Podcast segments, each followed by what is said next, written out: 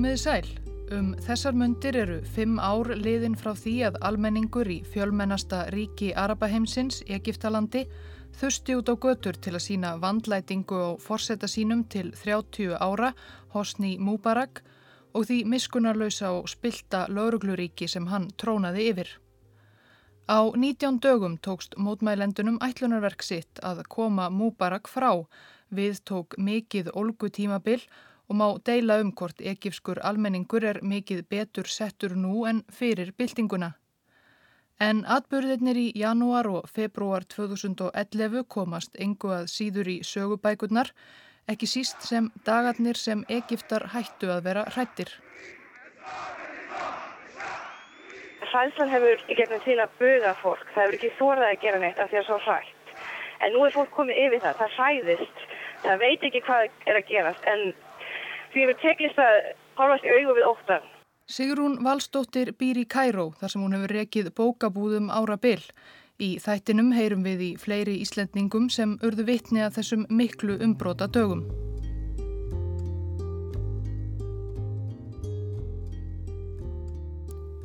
Þetta byrjaði allt þriðjúdægin 25. janúar 2011 Atburðar á staksins kom eflaust flestum á óvart, líka þeim sem tóku virkan þátt í því sem framfór á götum Kæró.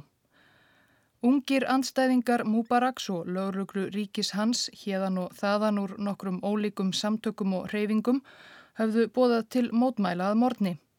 Bara tíu dögum áður hafði Ben Ali, einráður í Túnis til 24 ára, röklast úr embætti eftir þryggja vikna fjöldamótmæli á götum túnískra borga. Kaltæðni réð því að þessi dagur varð fyrir valinu. 20. og 5. janúar er opimber háttíðisdagur í Egiptalandi, dagur lauruglunar. Þá minnist þjóðin hetjulegar baráttu lauruglumanna í borginni Ísmælíu í norðaustanverðu landinu við breska nýlenduhermen árið 1952.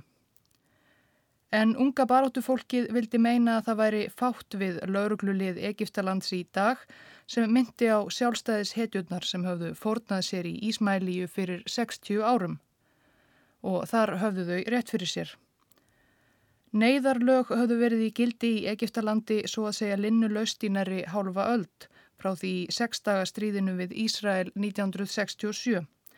Neiðarlögin gáfu yfirvöldum lauruglu og öryggis þjónustu ríkisins nær ótakmarkaðar heimildir til þess að yfirheyra og fangelsa hverja sem þeim síndist, hvenær og hvernig sem þeim síndist.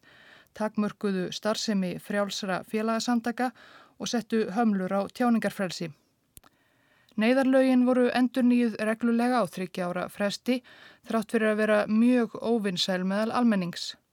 Ímislegt var nefnt til sögunar til að réttlæta þau, ekki síst meint ógn sem stafaði af herskáum íslamistum og hriðiverkamönnum.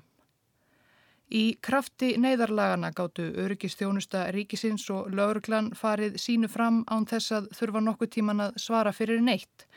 Enda skipti öryggistjónustan sér af öllu frá ráðningum rittstjóra héraðstagblada til kostninga í verkaliðsfélögum og stúdendaráðum háskólana og innan hinnar óbreyttu lauruglu grasseraði spilling sem varð því meiri sem leið á stjórnartíð Hosnís Múbaraks. Lauruglumenn kröfðust mútu greiðsna fyrir minnstu störf, áreittu almenning, pintuðu og börðu saklausa án eftirmála. Lauruglan varði raunað stærstu mafíu Egiptalands, tröst almennings til hennar hrundi. Ef maður lendi í vanda, var það um það byrð það síðasta sem maður gerði að leita til lauruglunar.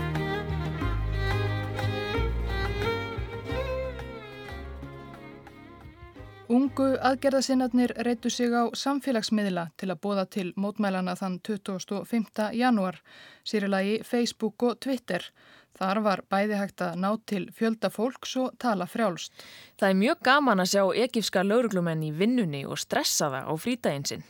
Týst egifskra mótmælenda úr byltingunni hafa verið varðveitt og gefin út á bók, Tweets from Tahrir. Við heyrum nokkur dæmi úr henni við og við hér í þættinum. Þessir sömu hópar stjórnaranstæðinga höfðu áður bóða til mótmæla á svipaðan hátt, meðal annars laurugludægin árið áður. Yfirleitt létu ekki svo margir sjá sig, fleiri lauruglumenn en mótmælendur, svo þeir voru ekki lengi að tvístra mannfjöldanum. En þetta skiptið átti eftir að verða öðruvísi. Atburðirnir í Túnis voru öllum í fersku minni. Ef Túnisar geta það, þá hljótum við að geta það, hugsuðu margir. Og það var fleira sem kom til. Um 11. kvöldi 7. júni 2010 steig Khaled Said inn fyrir dyrnar á SpaceNet netkaffihúsinu í Kleopötru hverfi Aleksandriuborgar. Það var fallegt veður og líflegt á gödum Aleksandriu þó það væri langt liðið á kvöld. Said var 28 ára, hafði nýlega lokið herþjónustu, fegst við raftónlist og gerði við gamlar stereogræjur. Hann fór á netkaffihúsið þetta kvöld til að hitta vinsinn. En Said komst aldrei lengra en rétt inn fyrir dyrnar. Tveir löglumenn í borgaralegum klæðum eldu hann inn og þrifu í hárið ánum áður en hann gatt svo mikið sem ávarpað vinsinn. Fjöldi vittna á kaffehúsinu sá svo hvernig löglumennir þryktu höfuðinu á Said í afgreðsluborðið, dróðu hann svo út á götu. Þar letu þeir spörkin ganga í líkama hans, skelltu höfðinu á honum aftur og aftur í gangstéttina og meðan hann öskraði og baðst vægðar. Barsmiðarnar heldu áfram í 20 mínútur eða svo, eða allt þar til sæt hljóðnaði alveg. Morðið, því af öllum lýsingum að dæma var þetta ekkert annað en svívirðilegt morð, á Khaled Said vakti mikla aðtikli í Egiptalandi. Einn ættingja hans tók mynd þegar fjölskyldan sótti hryllilega útleiknar líkamsleifar hans í líkhúsið. Myndin er sjokkerandi og fór eins og eldur í sinu um egíska nettheima, gjarnan við hlið myndar af Khaled Said í lifanda lífi, hinn típiski ungi Egipti, geti verið sonur einhvers, bróðir eða frendi. Af hverju var hann myrtur? Lörglan gaf engin svör. Lauruglumennir sem gengu í skrokka honum komu með hverja fáránlega afsökunina á fætur annari. Málið var á endanum þakkað niður en ekki fyrir en fjöldi fólks mótmælti ofbeldi lauruglunar á götum úti og stopnaðar höfðu verið fjölmennar Facebook síður eins og Við erum öll Khaled Said og hún átti eftir að leika mikilvægt hlutverki því að hvetja fólk til að fara át á götur í byltingunni 2011.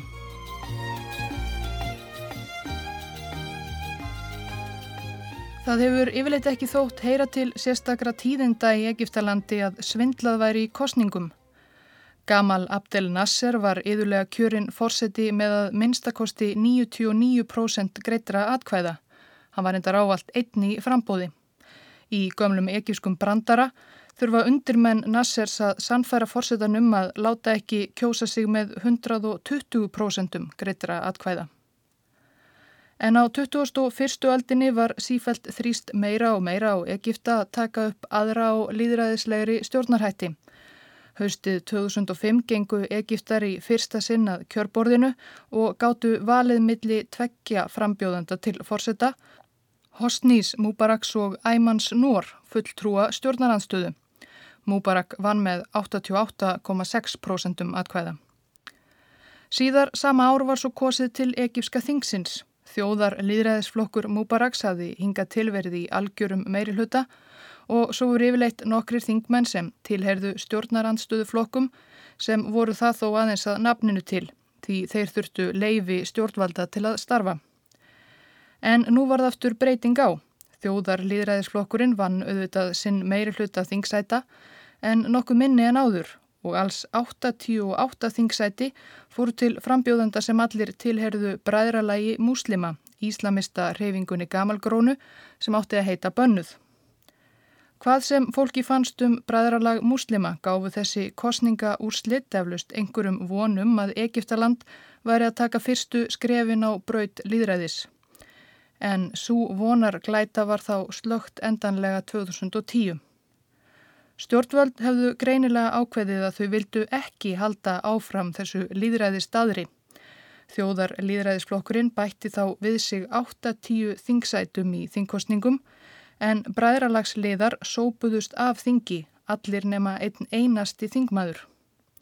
Ótal fregnir bárust um vafasamt aðtæfi á kjörstöðum.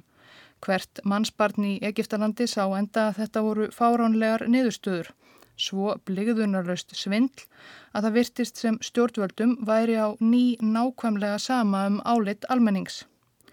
en það voru þingkostningarnar 2010 síðasta hálmstráið fyrir marga. Ekifskur almenningur misti nú endanlega trú á ríkistjórn sinni og ráðamönnum.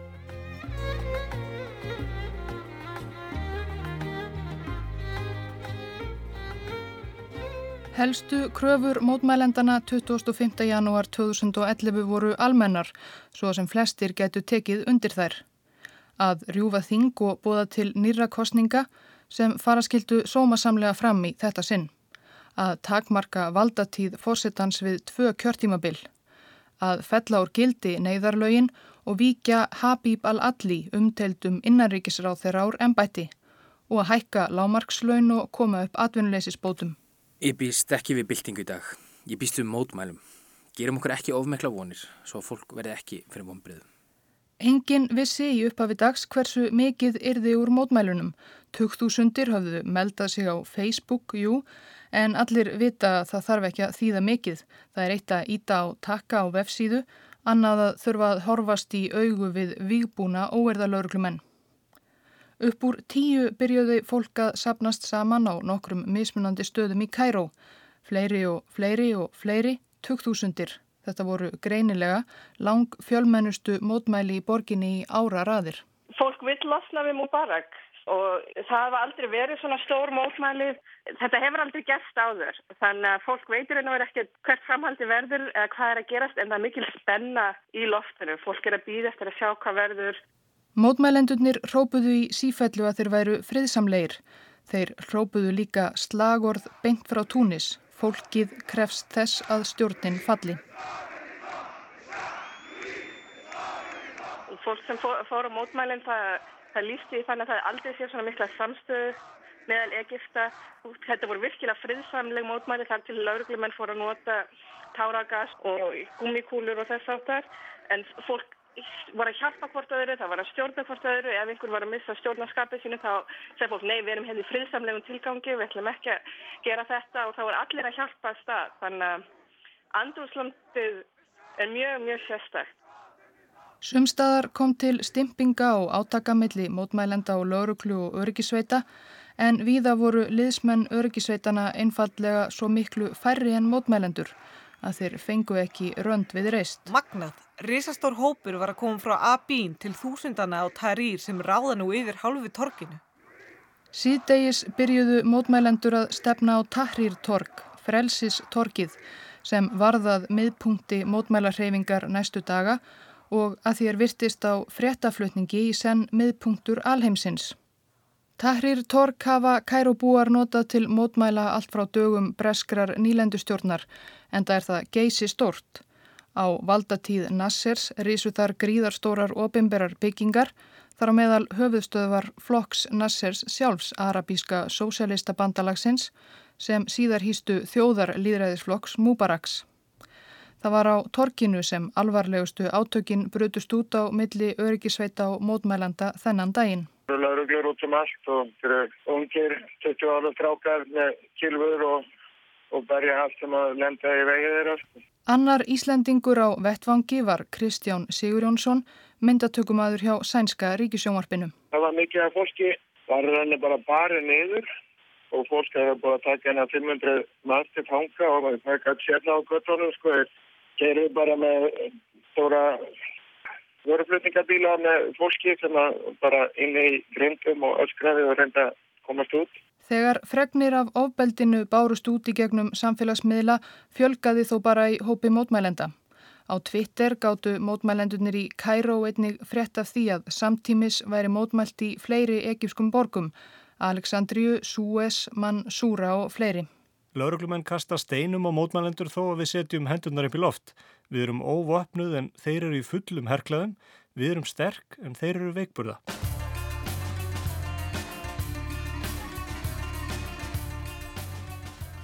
Öryggisveitum tókst á endanum að hrekja mótmælendur frá Tahrir Torki að kvöldi 25. janúar. En þó mótmælendur hefðu tapað fyrstu orustunni, ætluðu þeir ekki að tapa stríðinu. Það var áfram mótmælt næstu tvo daga. Mótmælin urðu ekki eins fjölmenn en hér og þar í Kæró sapnaðist fólk saman og let óánægu sína í ljós. En orka flestra fór líka fremur í að búa sig undir næsta fjöldafund sem bóðaður hafði verið þann 28. janúar eftir förstudagsbænir múslima á hádegi. Dagur sem fekk nafnið Dagur reyðinar. Ungir aktivistar streymdu í íþróttavöruverslanir til að kaupa ökla og nýllífar og sundglerugu til að verjast táragasi og í byggingavöruverslanir eftir gasgrímum. Sturta, hermannaböksur, hettupeisa, hlaupaskór, síminhlaðin, reyðu fjö, skiliríki, síkarettur og pipaspray til öryggis. Ég er tilbúin. En stjórnvöld notuðu líka tíman vel til að undirbúa sig. Aðfaranótt förstu dagsins var andrumsloftið í Kæró spennuþrungið. Á slæginu miðinætti byrjuðu þeir sem enn sátu yfir tölvum sínum að taka eftir því að netið var orðið ofenju hægt. Svo stöðvaðist það alveg. Stjórnvöld höfðu skrúað fyrir netið sem hafði leikið svo mikilvægt hlutverk í að koma fólki út á götur þriðjutægin á undan. Snemma á föstudagsmorni var einnig lokað á allt farsímasamband. Þegar speill ríkisútorsins vildi taka stöðuna á bóksalanum í Kæró, Sigrúnu Valstóttur, var því gripið til gerfinhatasímans. Það hefur verið mjög mikil mótmæl í dag. Ríkisstjórnin eða yfirvöld tekið mjög hægt af málanum. Það er búið að loka fyrir alla gemsa, allt internet. Þannig að það er mjög erfitt með samskipti hérna. Það er bara landlínur sem virka. Ekki eftir að nota farsíma, ekki eftir að nota internetið, ekki neitt. Þegar það var komið þannig að fólk gæti ekki haft í samband hvert og annað í morgun, þá var það ómöld að segja hversu margi myndu mæta og hversu margi myndu uh, fara út á göttur og mótmála. Þannig að þetta er búið að vera alveg með ólíkjendum að þetta er út um allt í Egistaland. Í Alexander, í Suez, í Mansoura, í Cairo, á mismundustöðum í Cairo. Þannig að þetta er búið að vera alveg ótrúlegt. Fólk sapnaðist saman við moskur 2000 saman eftir hátdegisbænirnar og gekk svo fylltu liði um götur Cairo. Eftir því sem leið á daginn bættust fleiri og fleiri við. Stúdendar, gráhærðir, karlar, hjónum með börn, karlar í kuplum og konur með slæður. Fólk úr öllum stjættum ekifsk samfélags var búið að fá nóg. Í þetta sinn var engin á Twitter, enda allt lokað og læst. Þessi stað þurftu mótmælendur að láta fregnir berast munlega, en það varð ekki til þess að draga úr þeim kjarkin.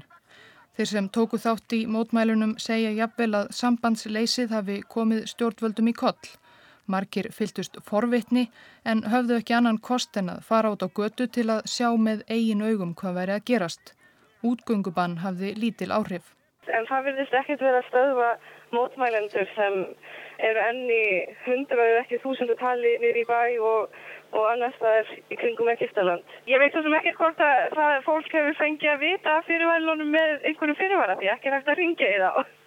Þannig að fólk verðist ekkert verið að taka marka á þessu. Aftur kom ítrekkað til átaka milli örgisveita og mótmælenda. Táragasið flætti en nú voru margir mótmælendunir betur undir það búnir með gasgrímur og sundglerugu og etik og pepsi að hella í augun. Mótmælendur kostuðu steinum, lögurglumenn kostuðu tilbaka. Markmið örgisveitana var ekki síst að hindra að mótmælendur kæmust aftur inn á Tahrir torg en eftir harða gödubardaga fram eftir degi tókst mótmælendum að brjóta sér leiði gegnum óerðalögurglu og inn á torkið við gríðarlegan fögnuð. Það leiði ekki á löngu þar til höfuðstöðvar þjóðar líðræðisflokksins voru í ljósum logum og mótmælendur ætluðu sér ekki að gefa torkið eftir í annað sinn. Þeir slóu upp tjaldbúðum, komu með vistir og sveppoka. Þeir gáttu komið sér vel fyrir en það virtist nú eins og hver einasti lauruglumadur Kæróborgar hefði gufað upp. Jón Björgvinsson, myndatökumadur Svisnenska ríkisjónvarsins, kom til Kæró þann 2009. Heilu hverfin verðast vera óvöktuð og þar eru gripdeildir um, og lítið um lauruglu. Heilu laurugsstöðar hafa reynda verið brenda niður þannig að það er kannski ellett og þessi erfitt að fá afstof. Þannig að almenningur verðist vera tölvut uggandi um sitt örriki og eigur sínar. Viðbröð Hosnís Múbaraks við þessum fordæmalösu fjöldamótmælum var að leysa upp ríkistjórn sína og skipa varaforsetta í fyrsta sinn. Sá hétt Ómar Súleiman, dularfullur náungi sem hafi lengi verið yfir leinithjónustu Egiptalands. En mótmælendur hlóu bara þessum lítil fjörlegu róteringum og heldu áfram að reysa tjaldbúðir sínar á frelsistorkinu. Herin var einnig að koma sér fyrir á torkinu. Ríkisvaldið í Egiptalandi átti rætur sínar í hernum, Mubarak, Sadat á undan honum og auðvitað Nasser, þetta voru allt herfóringjar. En almenningur leitt herin þó öðrum augum en hérna gjörspiltu lauruglu, virtist treysta hernum sem var og er einn vinsalasta stopnun egífsk samfélags. Og herrmennir sögust líka vilja vera hlutlausir í deilu mótmælenda við stjórnvöld, aðeins komnir út á götu til að halda uppi lögum og reglum. Herin er nú búin að taka sér upp stöðu víla í borginni en í aukna blíkjunu verður það, það vera mjög vingjarðið samskiptið í borgarana mennur að uh, taka í hendurnar á, á hermörunum, taka myndir fyrir framann, skriðdregana, jafnvel að gefa þeim blóm. Þannig í augnablíkinu verið það allt fara friðsanlega fram. En ég er hérna fyrir framann hins vegar utaníkisráðanitið og, og hérna útarstöð Egiptalands. Þar hefur uh, herrir búna, líka búin að koma sér fyrir en uh, þar verið allt vera freka friðsalt. Hins vegar brennur hérna hinnum með við ána uh, ennþá hús uh, flokks Mubaraks sem kveknar í og það er logar enn í þessu stórhísi. Mótmælin í Egiptalandi vöktu gríðarlegan áhuga fjölmiðla og almenningsum heim allan, jável meiri en atbyrðunir í Túnis, enda Egiptaland stærsta ríki Arabaheimsins og fáir sem byggust við því að svona færi þar. Erlend fjölmiðlafólk streymdi til Kæró, nokkuð sem fjall ekki sérlega vel í kramið hjá valdamönnum. Til dæmis var skrifstofu katursku fréttastöðvarinnar Al Jazeera í Kæró lokað með laurugluvaldi og fréttamenn stöðvarinnar sviftir starfsettindum. Jú, ég satt með nýju fréttamennum frá uh, Norðurlandurum hérna í gerðkvöldi og, og þá komi ljós að allir nema ég höfðu verið barðir. Það er öryggislauruglan eða hvort þetta sé bara almennt fólk sem er að styðja móbarak. En þetta var það lið sem að, sem að hafi gefið sig í kast við fréttamennina. Kristján Sigurjónsson, myndatökumadur og kollegar hans hjá Sænska sjónvarpinu þurftu að vill á sér heimildir. Við þykjumst ferða fólk og eru bara með lítla vel. Þannig að við getum ekki, við getum ekki gefið okkur fram fyrir að vera fréttamann vegna þess að þá uh, takaður okkur bara og það er okkur. Þetta dögði þó ekki til því á meðan Kæróduölinni stóð kvarf einn samstarsmanna Kristjáns, fréttamaðurinn Bert Sundström, sporlust. Síðan er búin að vera að ringja og, og reyna að ná í hann, en þá svara bara einhver ekkifti að ef við viljum hafa samband við hann þá verður bara að koma að ná í hann vegna þeir eru búin að taka. Og það er bara alveg gjörsamlega út til okkar að finna mannin, hann er algjörlega horfinn. Það kom skeiti um það að Núna ætla uh, stuðningsmenn uh, Móbaraks að uh, reyna að stöða fréttaflutning og gefa sér inn í hótelin til þess að, að hérna, taka okkur fréttamenn, erlenda fréttamenn í vörsklu. Kollegar Sundströms fréttu af honum síðar þennan sama dag á sjúkrahúsi þar sem hann lág alvarlega slasaður með höfuð áverka og stungusár og myndi ekkert hvað hafði komið fyrir hann. Jón Björgvinsson komst líka í hann krabban. Þann 31. januar var hann á ferðum fátækarakverfi í höfuðborginni. Uh, við öllum að fara inn í uh, eitt af fátækarakverfum Kæró í morgun. Heldum uh, að það er nú ekki mikið vandamál eftir allt annað sem er búið að ganga hérna í Kæró. En þegar ég var búin að vera cirka kannski eina-tvær mínútur að mynda þarna bara markan og annað þá hittnaði mjög í kolonum í kringum okkur. Engum konur fór að öskra, jafnvel eldri konur kallmenn komu rúkandi til og, og það var hreinlega bara ráðist á okkur sött að við varum uh, erlendir, njósnarar.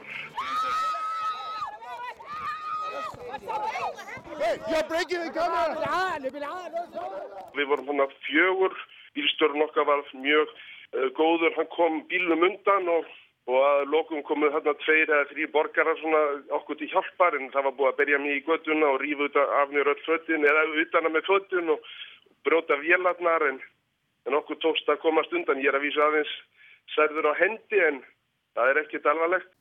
Egífska lauruglan var á þessu stígi málsins löngu hættað sinna skildum eins og að gæta laga á reglu. Tíðar fregnir bárust af gripdeildum og skemtarverkum. Fangar, slupu úr fangelsum og ollu óskunda mótmælandi segja að þeir ætla ekki að gefast upp en uh, svo verið sem Mubarak ætla ekki að gefast upp heldur þannig að þetta er svolítið erfið staða. Búðingillum eru farnar að tæmast en það er líka að koma nýja sendingar af ákveðnum vörum allavegna þannig að það er svolítið óljóst hvernig áframhaldi, hvert áframhaldi verður. Ég held að hann ætli sér að reyna að gera ástandi svo erfitt, svelta fólk, uh, koma á panikástandi þannig að, að fólk segja að hann sé bara besta lausnin. En mótmælendunir letu ekki degan síga.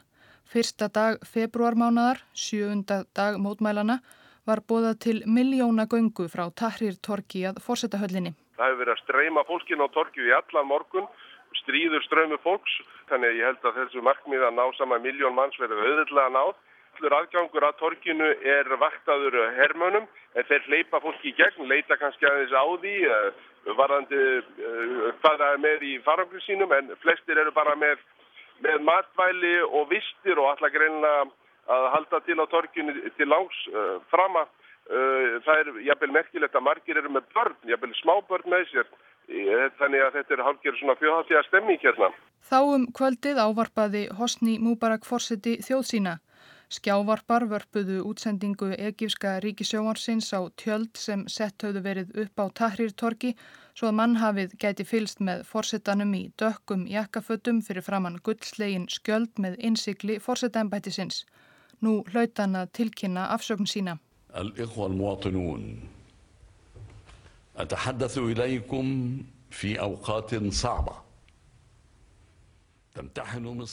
En það varð ekki. Múbarak sagðist reyðubúin að hætta þann 11. september næstkomandi þegar kjörtímabil hans væri lokið.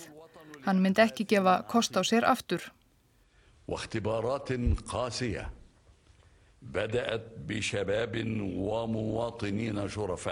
Hann sagðist vera stoltur af öllum þeim tíma sem hann hefði unnið í þáu Egiptalands, landsins sem hann elskaði og ætlaði sér ekki að hætta þeirri vinnu í miðjum klíðum.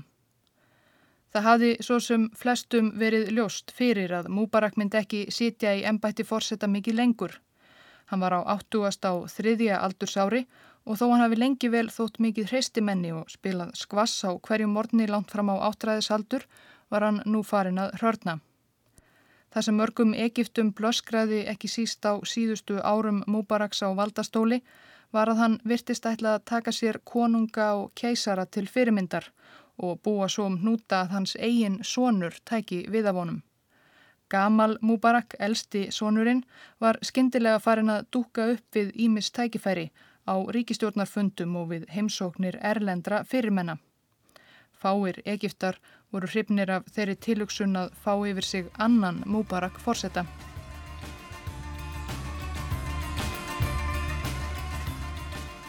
Sjónvars áarpið gerði lítið til að bæta stöðu Múbaraks gamla sem var orðin mjög veik.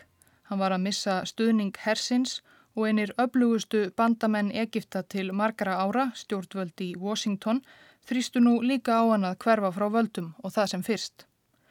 En hann ætlaði sér ekki að gefast upp svo auðveldlega. Það varð æljósara að Múbarak ætlaði sér að brjóta uppreysnina og bakaftur með valdi. Meira ber á þeim sem eru fylgismenn Múbaraks í morgun. Þeir hafa verið að rópa hér allt í kringum okkur, allt í kringu torkið. Það hafa samt verið svona aðeins í jæðri mótmálana. En þetta eru hópar sem við sáum, hefur verið að sjá síðustu tvo daga. Munum færri en, en sem sagt hafa verið samt uppi með mótmálaspjöld eða öllu heldur kröfuspjöld um að til stuðnings Múbaraks. Þegar ég var nýra á, á gödun áðan kom allir skindilega einn rittara sveit af eh, stuðningsmönnum Múbaraks ríðandi á hestum, östnum, eh, hestakerrum og ekki síst úlvöldum sem fóru bindin á torki til að reyna að stíkja mótmælendur. Svömi þeirra voru ripnir af baki og barðir en aðri komist undan. Þannig að þetta var orðið ákvæmlega svona þjósakna kjent hérna á tímafili Annar februar var blóðugasti dagur uppreysnarinnar til þessa. Þúsundir særðust í átökum. Egiptaland virtist jafnvel rampa á barmi borgarastyrjaldar. Er það svona sem Múbarak ætlar að svara okkur? Með því að senda bófa að kasta steinum í okkur? Sko, það eru allir sammála um að þeir sem eru að ráðast á mótmælendur eru uh, lauruglumenn, óenginnisklættir lauruglumenn. Þetta eru sömu sami glæbalíður og, og stjórnin borgar þegar kemur að kostningum og öðrum mótmælum í, sem hafa verið á síðustu árum. Þá eru svona glæbalíður sem er borgar fyrir að fara á valda vandraðin. Það hafa komið eh, margar frásagnir af því að, að fólki hafa verið borgar 50 til 100 pund til þess að fara og, og ráðast að mótmælendum og margir af þeim sem hafa verið handteknir eða sem sagt eh, látnir að hendi yfir til hersins eh, þeirra skilri ekki segja þetta séu lögreglumenn Þannig að það er alveg klart mál að þetta er á vegum stjórnvalda. Þessi útiháttiða stemming er aftur í kvöld að breytast í, í götu bardaga með grótkasti, skottrýð og eldsprengjukasti. Uh, mér hefur aldrei þótt uh, andrúsloftið hér í Karo vera eins ógvæglegt og í kvöld og uh, hvort þetta er að breytast í vývöld kemur ljós á næstu sólaringum. Mótmælendur gáfu Múbarak úrslita kost að segja af sér fyrir förstudaginn 4. februar. Þá flyktust 2 miljónir manns á Tahrir Torg á bænatíma. Kristnir Egiptar, þeir eru um 10% þjóðarinnar, tóku höndum saman og mynduðu ring utanum landa sína múslimana sem lögðust á bæn. Fólk er að vonast eftir því að þrýstingur verði það mikil að Múbarak eh, láti sig hverfa. En með því hvernig stjórnin er búin að bræðast við síðustu daga þá veit að vel að líka að, að það er ekkert vist að hann fari, það er ekkert vist að þetta gangi upp.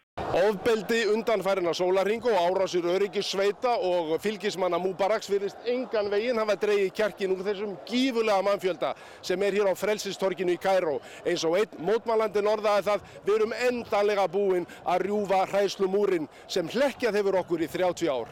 En enn síndi Múbarak ekki á sér fararsnið. Hann satt sem fastast. Næstu daga gerði hann aftur nokkrar breytingar á ríkistjórnsinni og innan ríkisráð þegar hann hataði Habib al-Adli var settur í stofufangelsi og ferður fyrir herrétt, sagaður mýmis um broti í embætti.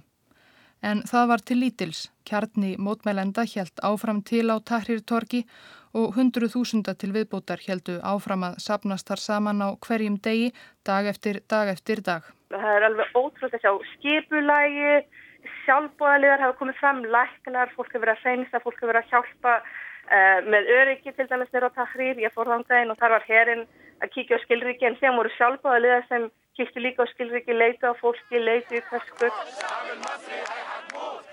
Múbarak ávarpaði þjóðinað nýju að kvöldi 5. dagsins 10. februar. Það var átjándi dagur mótmælana. Annar förstu dagur nálgæðist óðum. Almenningur á Tahrirtorki horfi á sjóars áarpið með öndina í hálsinum.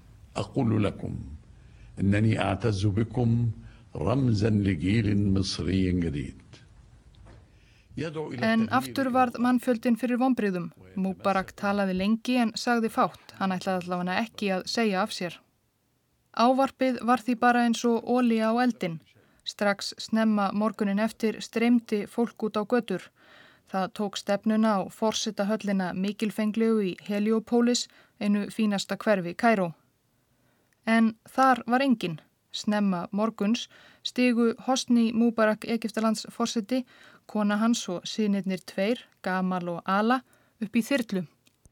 Þyrlan flutti fjölskylduna á herrflugvöll í nákværininu, þaðan sem þau flugu með engaþótu til Sjarmel Sheikh, sólstrandar bæjarins við Rauðahafið. Nú var það varaforsettinn Ómar Suleiman sem ávarpaði þjóðina. Bismillahirrahmanirrahim, ayyuhal mu'atinun, fi hæðihil þurúfil asíba, allati tamurru bihal bilad. Önnur áferð var á ávarpi varaforsettans en ræðum forsettans flúna.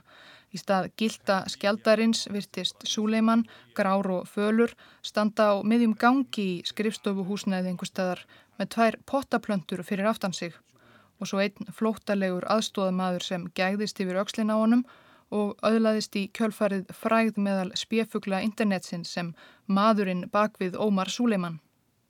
En það voru orð Súleimans sem mestumáli skiptu. Þau voru ekki mörg. Kæru borgarar, sagði hann, á þessum erfiðu tímum sem Egiptaland gengur nú í gegnum hefur Hosni Múbarak fórseti ákveðið að segja af sér ennbætti fórseta líðveldisins og hefur falið aðsta ráði hersins að fara með stjórn landsins. Megi Guð hjálpa okkur öllum. Og svo var það búið. Fagnaðalæti brutust umsjöfalaust út meðal mannfjöldans á Tahrir-torki. Í 19 daga höfðu mótmælendunir þráast við en nú var Múbarak farinn. Það eru fagnaðalæti allstær. Ég heyri hérna í bílum, það er verið að flauta og fólk er að veifa fánum út á göttu. Það, það eru allir að fagna allstæðar. Sé, fólk er að ganga göflunum, öskrár, hleypir um allt. Múbarak sagði af sér. Ég er alveg ótrúlega stórt af Egyptum. Þeir hafa syngt ótrúlega stillingu. Allt farið fram friðsamlega nema þegar verið ráðist á það. Öll læti, allt ofbeldi, koma hálfu ríkisins og þeirra glæpa líðs aldrei frá mótmálum sjálfum. Egiptaland, Míðausturland, heimurinn verður aldrei samur. Frá Tarhýrtorki til Hamingu, frjálst Egiptaland. Ég get ekki hægt að gráta. Ég hef aldrei verið einn stoltur á æfinni. Þannig að núna er bara að vona að þessar breytingar verður til góðs og ekki eftir að fá í raun og veru það sem þeir hafa verið að byggja um, frels og líðræði. Í dag endum við lofórð okkar við þá sem letu lífið. Samkvæmt skýrslu Egipskrar rannsóknanemndar sem byrt var í apríl sama ár letu að minnstakosti 846 Egiptar lífið þessa 19 daga sem Egipska byltingin stóð. Mörg þúsund manns særðust og fleiri áttu eftir að láta lífið því miður því auðvitað lauk sögunni ekki hér með Múbarak í sólinni í Sjarmel Sheik og herfóringja við stjórnvölinn. Herin lofaði að verða við helstu kröfum mótmælenda að leysa upp þingið, breyta stjórnaskrá og bóða til kostninga. Tahrir Torg átti þó eftir að fyllast af fólki ótal sinnum næstu missurinn en það virtist herráðið ekkert áfjáði að færa völdin í hendur borgarana. Það var ekki fyrir en sumarið 2012 sem loks var gengið til fórsetakostninga þar sem Muhammed Mursi, frambjóðandi bræðralags muslima, bar sigur úr bítum. En fórsetatíð hans varð bæði stutt og misefnuð. Hans byðu enda ærin verkefni, bræðralag muslima hafði litla reynslu af því að stjórna og kvorki herin nýja gamla Mubaraks liðið sem enn var að finna í helstu stofnunum samfélagsins reyndust sérlega samstagsfús. Eftir aðeins eitt ára á fórsetastól tók herin völdin af Mursi og bræðarlæginu. Andof stuðningsmanna hans var bælt niður af blóðugri hörku, meira en þúsund manns byðu bana. Og herin er enn við völd, þó reyndar hafi aðsti yfirmaður hersins, Abdel Fattah al-Sisi hermarskálkur, að nafninu til sagt skilið við herin og sumarið 2014 bóði sig fram til fórsetakostninga eins og hverannar borgari. Hann hlaut 93% atkvæða.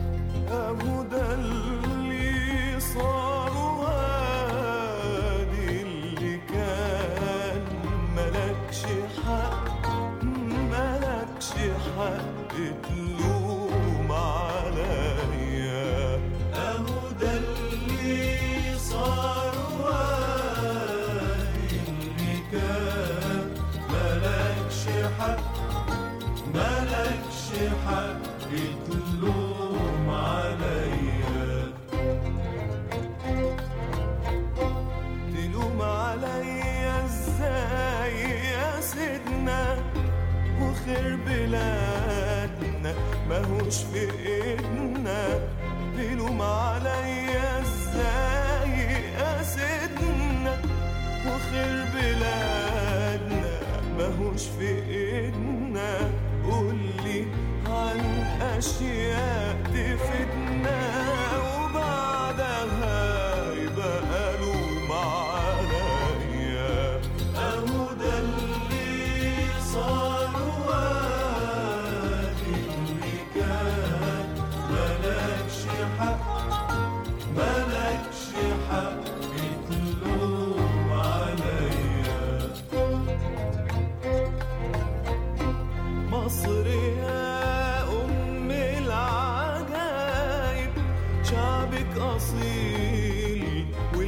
my